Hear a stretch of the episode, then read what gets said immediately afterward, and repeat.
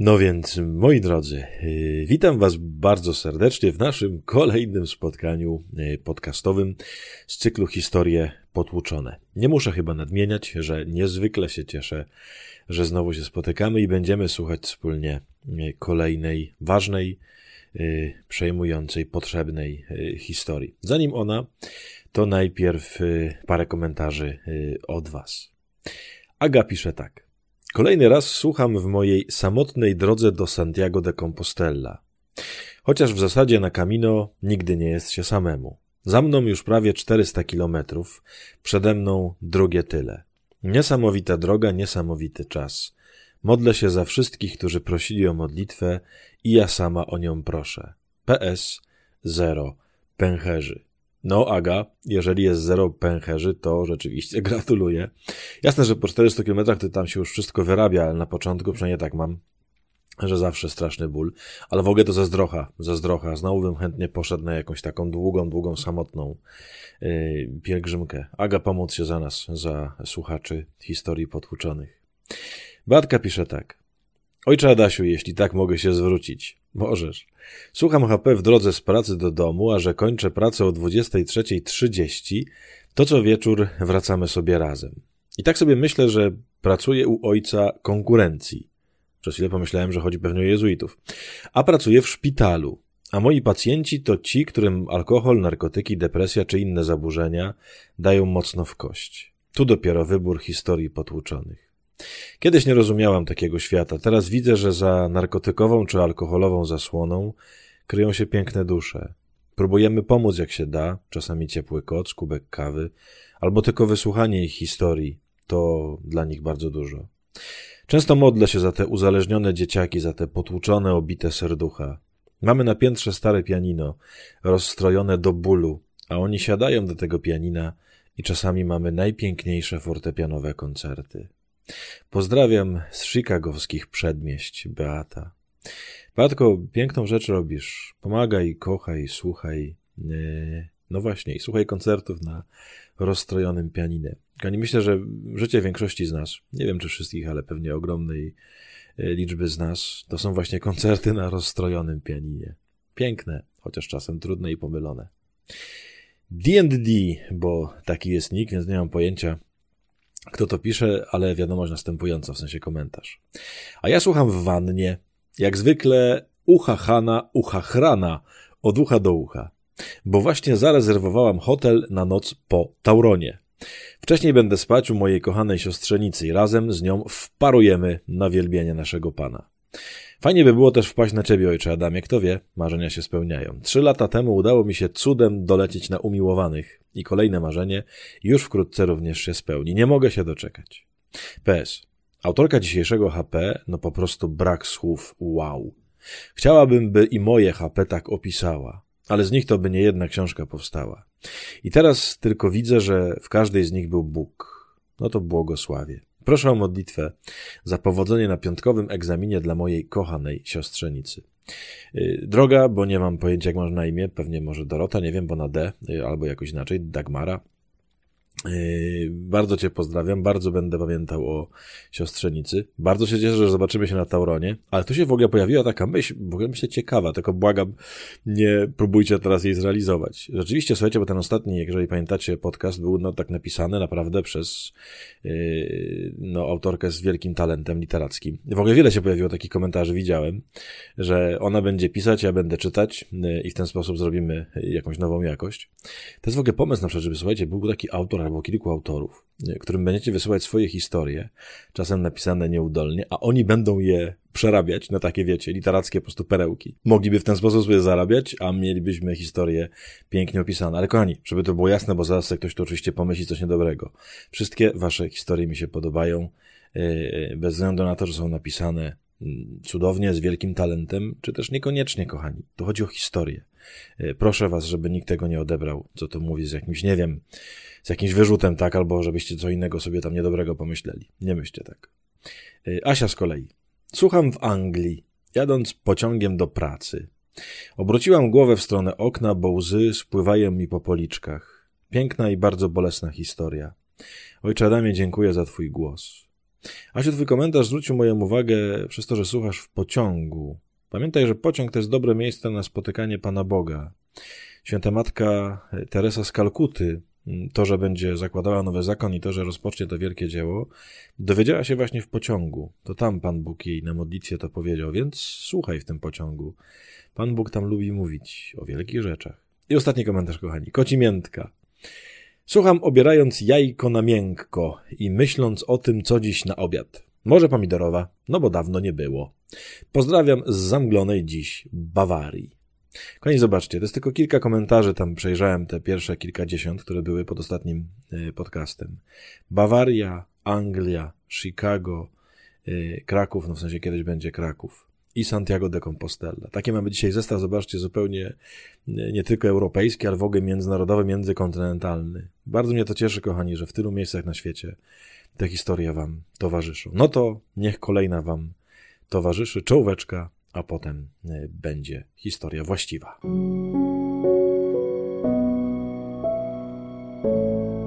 To są historie potłuczone.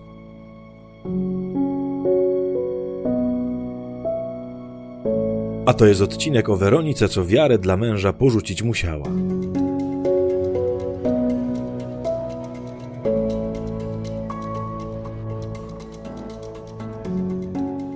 Moi drodzy, moi mili, moi kochani, moi ulubieni, serdecznie zapraszam na właściwą część naszego podcastu, czyli historię, którą wysłała mi Weronika. Proszę posłuchajcie. Historia jest długa, nie jakoś bardzo długa, ale myślę, że w ogóle ważna. Tego tematu chyba jeszcze nie poruszaliśmy w naszych potłuczonych historiach. Ojcze Adamie, moje 36-letnie życie nie było usłane płatkami róż. Moje dzieciństwo to synonim strachu, ciągłego lęku i ucieczki. Moje wspomnienie to panicznie ściskany różaniec i błaganie, by w końcu on już przestał. Stan zagrożenia to środowisko, które znałam od najmłodszych lat. Ojciec, agresywny i niebezpieczny alkoholik, od którego zawsze trzeba było uciekać z domu, bo rzucał się na mamę. Była nas piątka, cztery córki i jedna mama. Razem pięć kobiet, które bezradnie usiłowały przetrwać z agresorem. Nie było łatwo. Pamiętam, jak przeraźliwie się bałam i błagałam Boga o pomoc, jak ojciec upojony alkoholem spał, w nadziei skrapiałam go wodą święconą, licząc, że w końcu Bóg mnie usłyszy i uratuje nam życie. Wierzyłam, że kiedyś to nastąpi. Przecież ojciec chodził regularnie do kościoła, no to nie może się skończyć inaczej. Jednak chodził na siódmą rano, by móc wcześniej zacząć pić wódkę. Kolejne lata to historia przeraźliwie bolesna i trudna. Nie o tym chcę opowiadać. Nie będę do tego wracać, bo nie starczy mi czasu, by to opisać. Rezultatem była śmierć. Świadoma i spowodowana przez niego w garażu po południu. Była to dla mnie ogromna trauma. Spędziłam kilka lat na terapii DDA, y, żeby przywróciło mi to spokój, żebym się poczuła w miarę bezpiecznie. Przestałam się winić za to, że ojciec zdecydował się powiesić. Zawsze w tym wszystkim był ze mną Bóg. Różaniec kilkakrotnie wymieniałam na nowy, bo od jego ścisku koraliki rozsypywały się. Mimo, że ojca już nie było, nadal czułam zagrożenie przed bliskością z mężczyzną. Chciałam kogoś poznać i dzielić wspólny czas, cieszyć się pasjami, mieć w sercu ciepło, no bo ktoś jest ważny. No i był. Od matury przez piętnaście lat. Okazało się to być bolesne, przeraźliwie smutne i trudne. Znajomość trwała 15 lat, a ślub niecałe dwa. Dziś już wiem, że chciałam się czuć bezpiecznie, będąc z kimś, z kimkolwiek, kto nie stosuje fizycznej agresji. Jednak byłam obok kogoś, kto stosował przemoc emocjonalną. Po dwóch miesiącach znoszenia przeraźliwego milczenia, bez wyjaśnień, przyłapywałam się na tym, że uciekam w nocy na parking, by spać w samochodzie. Wolałam to niż te bolesne udawanie, że nie istnieje, że mnie w mieszkaniu nie widać. Tak mnie unikał. Na początku nie mogłam pojąć, bo regularnie odwiedzaliśmy dom Boży. Ale z czasem było to dla mnie tak ciężkie, że w końcu nie wytrzymałam i nie mówiąc nic mamie i siostrom, opuściłam wspólną, świeżo urządzoną przez nas szeregówkę i wynajęłam pokój w bloku. Mąż mnie nie szukał. Nie prosił o rozmowę, tylko złożył pozew. Minęły kolejne lata, zanim wstałam z tego upadku. Różaniec nadal był ze mną, ale także bezsilność znajoma od dziecka. Terapie pomogły wyciągnąć wnioski i uświadomiły mi, jaką lekcję powinnam odrobić. Poznałam Franka. To był chłopak zupełnie inny niż ci, których poznałam wcześniej. Był dobry, uczciwy, łagodny i przede wszystkim umiał rozmawiać. Niestety tak bardzo chciałam być w wartościowej relacji, że na przekór sobie trwałam w tym związku, mimo że nic nie czułam. Później zrozumiałam, że Franek jest dla mnie jak wymarzony brat, jak przyjaciel, jak super towarzysz. Jednak nie umiałam dać mu tego, czego oczekiwał. Było mi trudno, ale podjęłam decyzję o rozstaniu. Długo płakaliśmy, będąc w przerażeniu, że już nawet nie będziemy znajomymi. Ja opłakiwałam stratę przyjaciela, a Franek swojej nieodwzajemnionej miłości. To była najtrudniejsza decyzja mojego życia, bo rozstałam się z szacunku, w zgodzie i w myśli, że byłam kochana, ale sama nie potrafiłam odwzajemnić uczucia. Zamknęliśmy relacje, a na prośbę Franka już nigdy więcej się nie zobaczyliśmy. Mimo stargania trudami doświadczeń, byłam w stałej komitywie z Bogiem i z Maryją. Moim ulubionym wołaniem była litania loretańska. Minęło pół roku, a ja zmieniłam podejście. Odnalazłam siebie na nowo, polubiłam do tego stopnia, że czas wypełniałam na realizowaniu swoich marzeń. Byłam w trakcie nowych studiów, porzuciłam toksyczną pracę i zaczęłam taką, po której mogłam z dumą popatrzeć w lustro. Czułam, że rosnę. Współpracownicy okazali się być jak rodzina, a praca przynosiła satysfakcję. No cudownie. Dziękowałam Bogu za szansę, a sobie za to, że ją wykorzystałam. Poświęciłam się rowerowej pasji. Na jednym z zawodów spotkałam Kamila, kolegę z pracy. Wraz z kolejnymi miesiącami zauważyłam, że patrzy na mnie inaczej niż inni. Ja jednak po swoich doświadczeniach trzymałam dystans i z obawy na ewentualne kolejne pożegnanie nie dałam się ponieść. Tym bardziej, że trudno byłoby razem pracować po rozstaniu, prawda? Przyjaźniliśmy się, więc było w miarę miło. Po pół roku zrobiło się bliżej. Zauważyłam, że Kamila nie wystraszyłam wzmożonym dystansem i stawianiem granic. Bardzo mi imponował cierpliwością, szacunkiem, pozytywnym nastawieniem i zacięciem do rowerowania. W końcu ktoś, kto mnie rozumie. Czułam się przy nim wyjątkowa, ważna, doceniana. Świadomie zgodziłam się na wspólny rowerowy wyjazd z noclegiem organizowany przez moją ekipę. Od tamtej pory zrozumiałam, że Kamil jest dla mnie także ważny. Mijały kolejne tygodnie, a my poznawaliśmy się jeszcze bliżej. Wiedziałam, że jest prawosławny. Wiara była dla niego ważna. I przyznam, że jego otwartość w rozmowie o Bogu imponowała. Chodził do cerkwi, dużo opowiadał. Wymienialiśmy się doświadczeniami dotyczącymi świąt i obrzędów. Byłam ciekawa, czy bardzo się różnią od tych naszych. Nawet się ucieszyłam, że wiara nie jest tematem tabu. Sama się otworzyłam i częściej bywałam w swoim kościele. Kamil pojawił się ze mną i moją rodziną podczas Bożego Ciała, a ja poszłam z nim i jego rodziną na odpust do nich. Cieszyłam się, że można to pogodzić, a perspektywa świętowania w oddzielnych terminach była pokrzepiająca. W moim małżeństwie zawsze były o to kłótnie, to co wam mówiłam wcześniej. Teściowa zawsze robiła awanturę, jak Wigilia była poza jej stołem. Dużo rozmawialiśmy o tym, że nasze wiary się różnią. Nawet zapytałam, czy według niego fakt, że jego cała rodzina jest prawosławna, a ja nie, jest jakoś niekorzystny. No przyznał, że jest to trudne, ale wierzy, że nie beznadziejne. Jego babcia była katoliczką i to była bardzo fajna kobieta, a potem przeszła na prawosławie i wszyscy są szczęśliwi. Ta informacja trochę mnie przeraziła.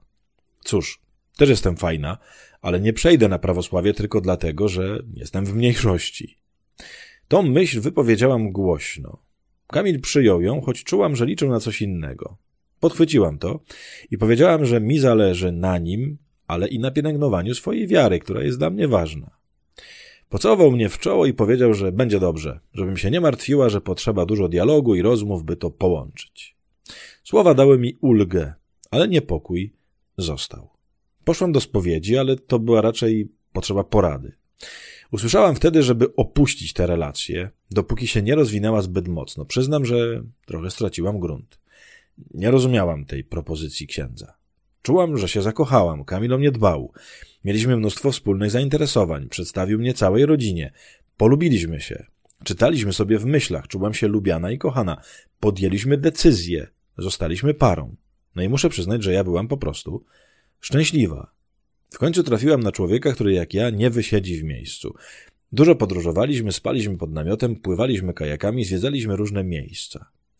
Moi przyjaciele bardzo go polubili i w końcu nie wstydziłam się powiedzieć kocham.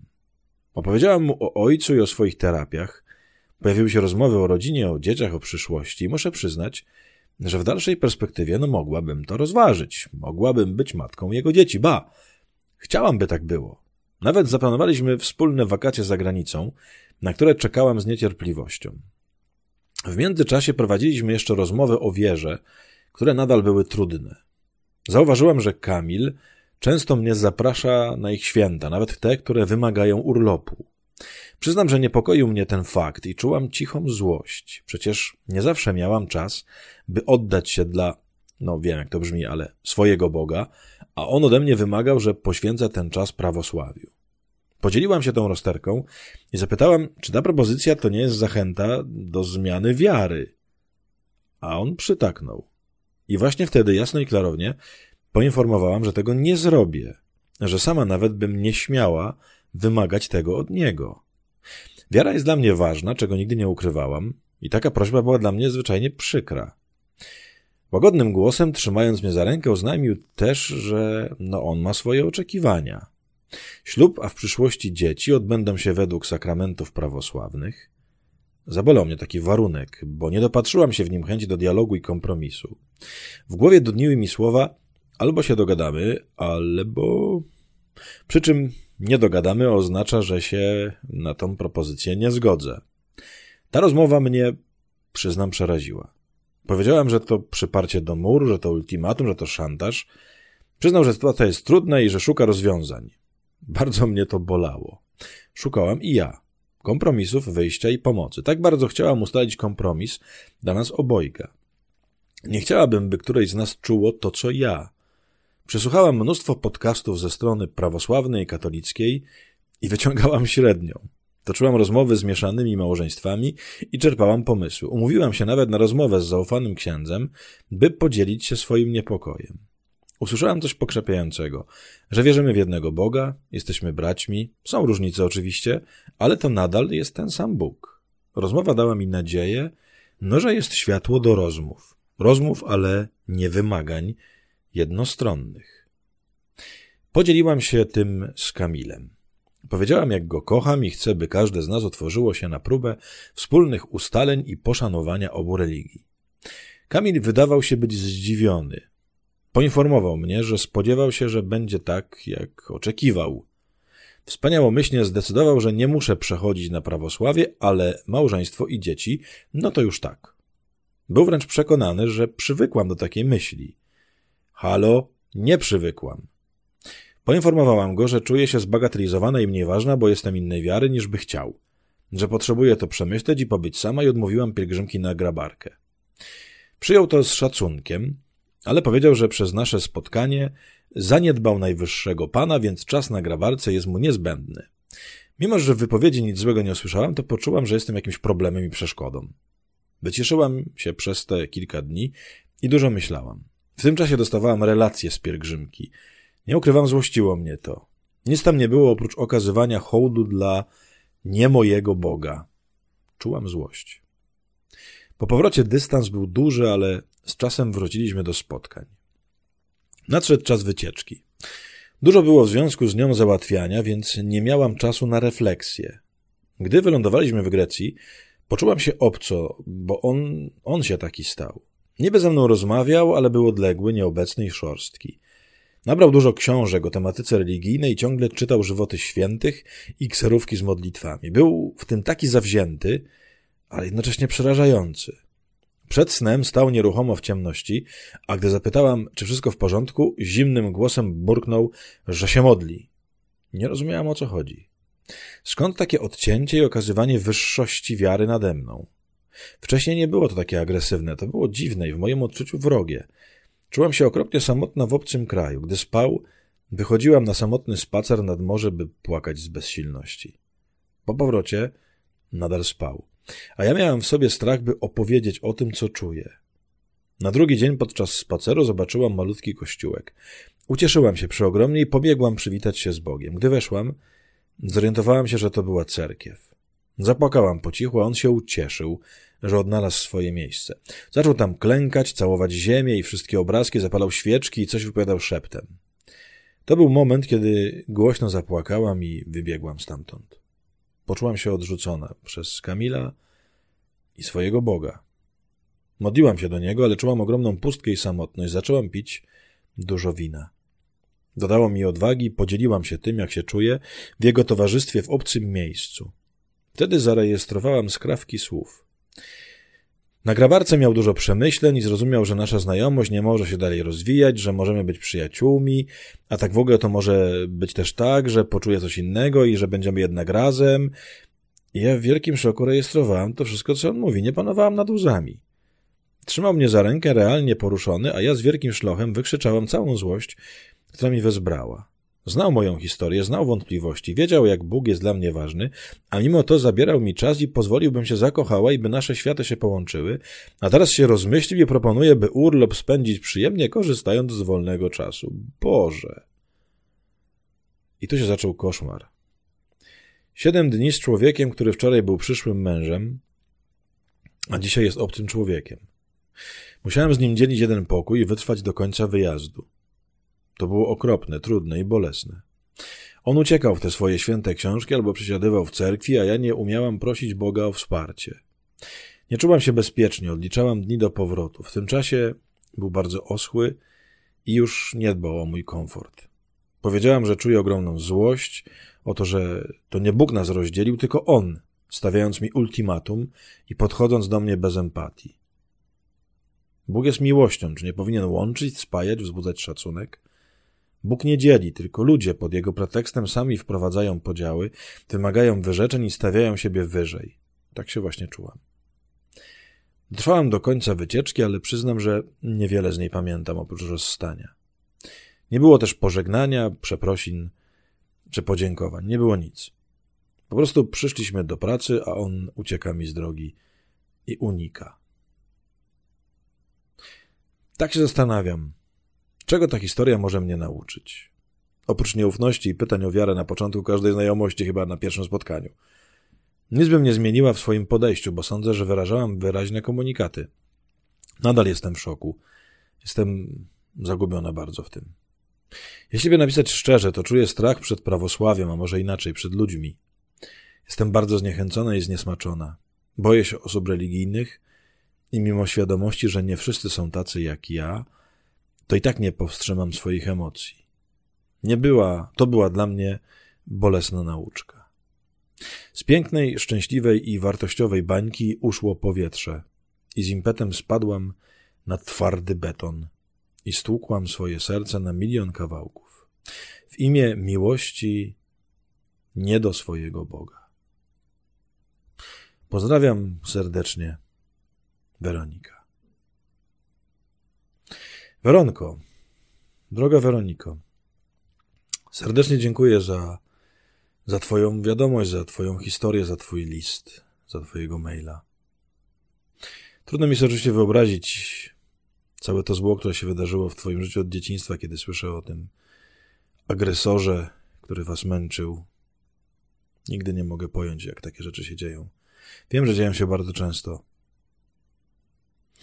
Ale potem też się ciągnęło to i ciągnie, tak, jak samo opisujesz. Jedno małżeństwo zupełnie nieudane, gdzie była agresja już nie fizyczna, ale no właśnie psychiczna. Potem próby, przełamania i tak dalej, w końcu ten ostatni. Kochani, to jest bardzo złożony temat. Ja zdaję sobie sprawę, że teraz tutaj w trzech słowach wam wszystkiego tu nie wytłumaczę. Y, ten temat ma też, kochani, bardzo wiele wariantów. Czyli bycie z osobą w tym wypadku o innych poglądach religijnych, tak? Można się oczywiście różnić w wielu dziedzinach. Ale myślę, że religia, wiara jest jedną z takich no, najbardziej dogłębnych, tak? Szczególnie kiedy jedna strona, czasem dwie, są naprawdę głęboko wierzący. Bo to nie mówię o nie takich sytuacjach, gdzie jest katolik, który de facto nie jest katolikiem. Znaczy jest w sensie, że jest ochrzczony, a niby raz na jakiś czas na święta chodzi do kościoła i on się mieni za katolika. To wtedy to nie są problemy, bo to, to nie jest coś realnego dla człowieka. Ale kiedy ludzie są wierzący, a przynajmniej tak się wydaje, tak? Kiedy wiara jest czymś ważnym, no to w momencie, kiedy następuje złożenie dwóch, dwóch wiar, no to to jest, y, że tak powiem, wielka przestrzeń do konfliktu, wielka przestrzeń do przełamania siebie i tak dalej. Tak jak powiedziałem, jest wiele wersji tego, kochani, bo uważam, że zupełnie inną wersją jest spotkanie dwóch chrześcijan, jak w tym wypadku, czyli na przykład katolika i prawosławnego, katolika i, nie wiem, protestanta i tak dalej. To jest zupełnie inny poziom spotkania. Zupełnie jeszcze inny jest y, na zasadzie spotkania katolika, albo może powiem szerzej, chrześcijanina i człowieka zupełnie z innej religii, w sensie niechrześcijańskiej, nie? Czyli na przykład muzułmańskiej albo hinduistycznej i tak dalej. Pewnie jeszcze inną wersją jest spotkanie, nie wiem, katolika i osoby zupełnie niewierzącej. Konie w każdym z tych przypadków, myślę, może być trochę inaczej. Tego się nie da włożyć do jednego worka. E, ja bym chciał dzisiaj opowiedzieć, bo o tym jest ta historia dzisiejsza, przede wszystkim o tym właśnie jednej wersji, czyli spotkanie dwojga chrześcijan. Konie to oczywiście mamy do czynienia z osobą, która, no właśnie, swoją religię wykorzystała jako jakieś ultimatum, tak? Jakoś, nie wiem, pewnego rodzaju szantaż, tak? Będę z tobą, jeżeli będziesz myśleć i wierzyć tak jak ja. Kochani, tak jak jej powiedział ten y, drugi, jak rozumiem, chyba zaprzyjaźniony ksiądz, tak? Że oboje jesteście chrześcijanami. Kochani, co zrobić w wypadku, kiedy spotyka się dwoje chrześcijan właśnie z różnych denominacji, tak? Czyli na przykład katolik, protestant, albo katolik prawosławny, albo prawosławny protestant i tak dalej. Czy da się to jakoś złożyć? Kochani, uważam, że w tym wypadku da się to złożyć. Nie, nie mówię, że to jest łatwe, nie mówię, że to jest oczywiste, nie mówię, że to jest proste, ale da się to złożyć. Mało tego. Jestem przekonany, kochani, że to, kiedy obydwie osoby są przepraszam że za to słowo, które teraz użyję, ale jakby dobrze i fajnie wierzący, czyli jakby nie są po prostu, wiecie, wyznawcami religii, tylko naprawdę jakby szukają Pana Boga. Zawsze jest pytanie, nie? Jakby, czy tego Pana Boga szukamy, ale jeżeli tak, to wręcz takie małżeństwo, właśnie, nie wiem, katolicko-protestanckie albo katolicko-prawosławne, może być przepięknym świadectwem jakby jedności. Coś, czego jako chrześcijanie bardzo potrzebujemy. Kochani, w takim wypadku, właśnie kiedy wierzymy w tego samego Pana Jezusa, tak, mamy różne inne tradycje, mamy różne inne, nawet na jakieś niektóre dogmaty mamy inne, inne jakby poglądy, ale co do istoty się zgadzamy. Kochani, jak gdybym był w takim małżeństwie, mówię wam teraz jakby z mojego własnego przekonania, yy, zrobiłem rzecz następującą. Ja bym w takim małżeństwie, yy, będąc, gdybym miał żonę, tak, powiedzmy prawosławną, gdybyśmy mieli dzieci, Y, ja uważam, żebyśmy te dzieci wychowywali y, w dwóch denominacjach naraz. W takim sensie chodzilibyśmy jednocześnie do kościoła katolickiego jednocześnie chodzilibyśmy do kościoła y, prawosławnego. Mówię, zakładam oczywiście, że mam żonę, tak, nie, jak to nazwać, po prostu wypełniającą jakieś obowiązki, tak, która nie ma, nie, bo przypuszczam, że z taką osobą w ogóle nie umiałbym być. Ja bym pewnie bardzo potrzebował osoby, która, skoro się mieni osobą wierzącą, to że jest nią naprawdę wierząca. Y, byłoby tak, że bardzo bym chciał, żeby ona chodziła ze mną do kościoła katolickiego. Bardzo bym chciał, żeby, y, żebym ja chodził z nią do kościoła prawosławnego. I nasze dzieci podobnie. Nasze dzieci chodziłyby razem z nami do kościoła katolickiego i do kościoła prawosławnego. Y, żeby poznały obydwie te tradycje. Kochani, wiem, że zaraz oczywiście i tak pewnie mi to niektórzy zarzucą, tak, to jest rozmywanie wiary, ma się nawrócić na katolicyzm i tak dalej. Nie, kochani, nie zgadzam się z tym. Wierzymy w tego samego Pana Jezusa. Wierzymy w tego samego Pana Boga. Tak, mamy inne ludzkie tradycje. Ludzkie tradycje nie są dogmatem. I oczywiście, czy ja bym chciał, y, czy bym się cieszył, gdyby moja żona została katoliczką? Pewnie tak.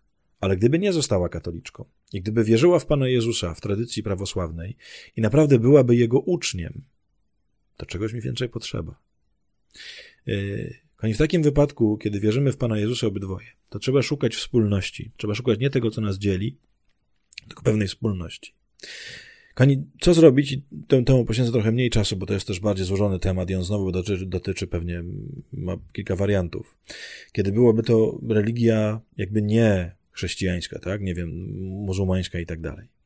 Kochani, zgadza się, że Kościół katolicki ma pewien wymóg, ma pewien wymóg, y, że kiedy się wchodzi w związek małżeński z osobą innej religii, w takim sensie właśnie z muzułmaninem, z, nie wiem, z Żydem, z hinduistą i tak dalej, to, że będziemy te dzieci mogli wychowywać w wierze chrześcijańskiej. W sensie, że one będą te tradycje poznawały. Trudno mi powiedzieć, co bym zrobił, kochani. Nie mam tego dobrze przemyślanego. Mówię teraz zupełnie poważnie. Nie mam tu wszystkich odpowiedzi. Czy bym tak samo myślał, że tak powiem, w korzystaniu z tych różnych tradycji? Myślę, że pewnie nie. W ogóle ja myślę, że byłoby mi bardzo trudno być z osobą, która nie zna, nie chce znać Pana Jezusa. Y, I nie chodzi o to, że ja uważam taką osobę za gorszą. Błagam, żeby tak ktokolwiek teraz nie pomyślał. Tylko myślę, że kochani, zjednoczenie człowieka z człowiekiem mm, jakby dokonuje się na bardzo wielu poziomach, ale szczególnie ważne jest na poziomach najważniejszych. Tak? Ja myślę, że nie umiałbym zbudować otwartości z osobą, która nie zna Pana Jezusa. Pewnie bym opowiadał o niej, pewnie bym, znaczy o Panu Jezusie opowiadał, pewnie bym chciał, żeby go poznała i tak dalej, ale gdyby tak się nie działo, nie wiem, czy umiałbym to zrobić. Oczywiście, kochani, to nie jest ważne, co ja bym umiał, czego ja bym nie umiał. Y, tak, Kościół wtedy wymaga, i uważam też, że to jest słuszne wymaganie, żeby te dzieci miały dostęp do, do Pana Jezusa. Żeby dzieci, które będą z takiego małżeństwa, gdzie jedna z osób Pana Jezusa nie zna bądź nie chce znać, żeby miały do niego dostęp. I to rzeczywiście, jeżeli ktoś się na to nie chce, nie, nie, chce, nie, nie chce zgodzić, to z punktu widzenia katolickiego, no taki związek jest bardzo trudny. Kochani, ja w ogóle uważam, że związki międzyreligijne, nie mówię, że są niemożliwe, ale są prawie niemożliwe, kochani. Mówię, przy założeniu, że mamy do czynienia z osobą mm, rzeczywiście wierzącą, nie? Kochani, tutaj, bo to można powiedzieć, no ale zobaczcie, przecież tutaj był taki prawosławny, prawdziwie wierzący. Kochani, oczywiście to jest, ja rozumiem, że to jest tylko jakby opowieść y, naszej bohaterki. Nie znamy też drugiej strony, tak? Nie chcę oczywiście, może powiedzieć Weronko, że to, cokolwiek przekręcasz, nie? Ale z tej opowieści wynika, może jest inaczej, ale z tej opowieści wynika, że tam było dużo jakiejś takiej religijnej przemocy. Y, jakby też bardzo dziwne jest to, znaczy nie dziwne, bo to w sumie trochę normalne, tylko to was myślę jakoś tam zgubiło że trwaliście w tym, że tak powiem, z takim prostym słowem, jakoś się to ułoży. Konie, jak wam już mówiłem tysiące razy, i to nie, nie, nie dotyczy tylko akurat sprawy religii w związku, nie? Ale konie, nie można nigdy w związku być, kiedy coś nie działa, kiedy coś jest nie tak, kiedy coś nas niepokoi. Nie można żyć takim słowem, jakoś się to ułoży. Nie. Albo to układamy od razu, albo kiedy będziemy czekać, że to się jakoś ułoży, uwaga, to się nigdy nie ułoży. A zazwyczaj się ułoży tak, że będzie z tego jakiś dramat. Więc myślę, że w ogóle wasz błąd, i to zarówno twój, Weronka, zgodziła się też na to, oczywiście jego też przez tę jego taką, nie wiem, agresywną religijność, polegał na tym, że żeście to odłożyli na kiedyś, że, że to jakoś tam poukładacie. Nie, kochani, takie rzeczy trzeba układać od razu, trzeba zobaczyć, czy jesteśmy w stanie się dogadać, bo możliwe, że kiedy od razu byś pokazała i powiedziała, słuchaj, nie, nie, nie czekajmy, jak to się rozwinie, tylko z góry ci mówię, jestem katoliczką, będę katoliczką i nie ma w ogóle opcji, żeby było inaczej. I, oczywiście nie zmuszam cię, żebyś ty był katolikiem, ale ty nie możesz mnie do tego zmuszać. I gdybyście od razu, myślę, o tym zaczęli rozmawiać, nie odkładali, jakoś to będzie, jakoś to pogodzimy, to może by nie doszło do takiego zaangażowania. Bo to rzeczywiście to, co się stało okropnego, nie? To to zaangażowanie, które się pojawiło, mm, że tak powiem, nie poparte tym dogadaniem się. Weronko, nie, nie wyobrażam sobie tych siedmiu dni y, tam spędzonych z nim, nie? Ale to też zobacz, jest taki pomysł. Y, a kto ci kazał, Weronka, no właśnie, przed ślubem do jednego pokoju jechać z gościem, który nie jest twoim mężem? Przepraszam, mam nadzieję, że to dobrze odbierzesz, ale oni sami się pakujemy w takie sytuacje, tak? Sami się pakujemy w takie sytuacje. Ale to musiało być naprawdę strasznie trudne, tak? Jak to sama napisałaś, ktoś, to wczoraj miał być przyszłym mężem, a dzisiaj jest obcym człowiekiem i w ogóle, zobaczcie, nagle z tego, w ogóle wszystko to umarło, tak? Jak okazało się, że tam w ogóle nic nie ma, że on tak naprawdę szukał, jeżeli tak mogę powiedzieć, prawosławnej żony, tak? A nagle potem się zupełnie nie znamy. Kochani, tak, myślę, że w wypadku chrześcijan, bo to jest nasz dzisiejszy główny temat, da się to zrobić, jest to trudne. Na pewno to będzie rodziło wiele konfliktów, będzie to rodziło wiele trudnych rzeczy, ale jest to do zrobienia. Przy wzajemnym poszanowaniu swoich jakby odmienności i tych denominacji. Mało tego, tak jak mówię, to może być naprawdę przepiękne świadectwo no, ekumenizmu, w takim sensie pewnej jedności, nie? Ludzi, którzy wierzą może trochę inaczej, ale jednak w tego samego Pana Boga, w tego samego Pana Jezusa. Tak jak pięknie napisała Weronika, Pan Bóg nie jest od tego, żeby ludzi dzielić żeby ludzi od siebie, nie wiem, no jakoś skreślać i no właśnie zmuszać do bycia kimś innym, nie? Pytanie jest zawsze, czy mamy do czynienia z osobą naprawdę wierzącą, czy też z osobą, która przyjęła tylko pewne tradycje i tak dalej, i tak dalej. To jest strasznie dużo, że tak powiem, czynników modyfikujących to wszystko, nie? Pewnie trzeba by się każdemu takiemu związkowi przypatrzeć trochę z bliska, nie? Co tam działa, co nie działa, co jest prawdziwe, co jest nieprawdziwe. Ale najważniejsze, nie odkładać na potem takich rozmów. Nie zostawiać, dobra, kiedyś to wyjaśnimy. Nie. No bo uczucia się rozwijają i one są, że tak powiem, niezależne od religii, nie? Chociaż tak jak mówię, kiedy myślę o sobie, byłoby to dla mnie bardzo trudne, aczkolwiek nie mówię też, że byłoby to niemożliwe. Potrafię sobie wyobrazić, że mógłbym spotkać tak niesamowitą osobę, że mimo tego, żebyśmy się w tej dziedzinie, że tak powiem, Pana Jezusa nie spotykali, to że może mogłoby się i tak, że tak powiem, to na bardzo głębokim poziomie zbudować. Nie mówię, że to niemożliwe, ale to bardzo trudne. Yy, kochani, najważniejsze jak zawsze to jest rozmawiać, wyjaśniać, ustalać i patrzeć, czy ktoś jest w stanie mnie kochać, a nie przymusza mnie do swojego obrazu. Bo zobaczcie tutaj, tak naprawdę to nie chodziło nawet o religię, tylko chodziło o to, że ktoś chciał mieć kogoś na swój pomysł. Ktoś nie chciał przyjąć tego kogoś takim, jakim jest, z tym, co ma, tylko miał swój pomysł, kim ma być ten ktoś i zmuszał go do bycia kimś tym. Takie coś, kochani, yy, no nigdy nie wyjdzie. Nigdy takie coś się nie uda. Trudny w ogóle temat. Tak, wiem, że trudny. Wiem, kochani, że tu wszystkiego nie wyjaśniam. Yy, a dlatego też ta historia jest, myślę, naprawdę bardzo ważna. Pan Bóg ma nas łączyć, a nie ma nas dzielić. Pan Bóg ma sprawić, że będziemy chcieli jedni z drugimi być, poznawać się, przełamywać własne egoizmy, a nie nas od siebie oddalać. Dziękuję Ci, Weronko, bardzo za tą, za tą historię. Kochani, chyba na tyle dzisiaj. Pamiętajcie, bądźcie dobrzy dla siebie, bądźcie dobrzy dla innych. Kochajcie siebie, kochajcie innych, a nade wszystko kochajcie Boga. Bardzo Was ściskam, bardzo pozdrawiam, bardzo błogosławię i do usłyszenia za tydzień.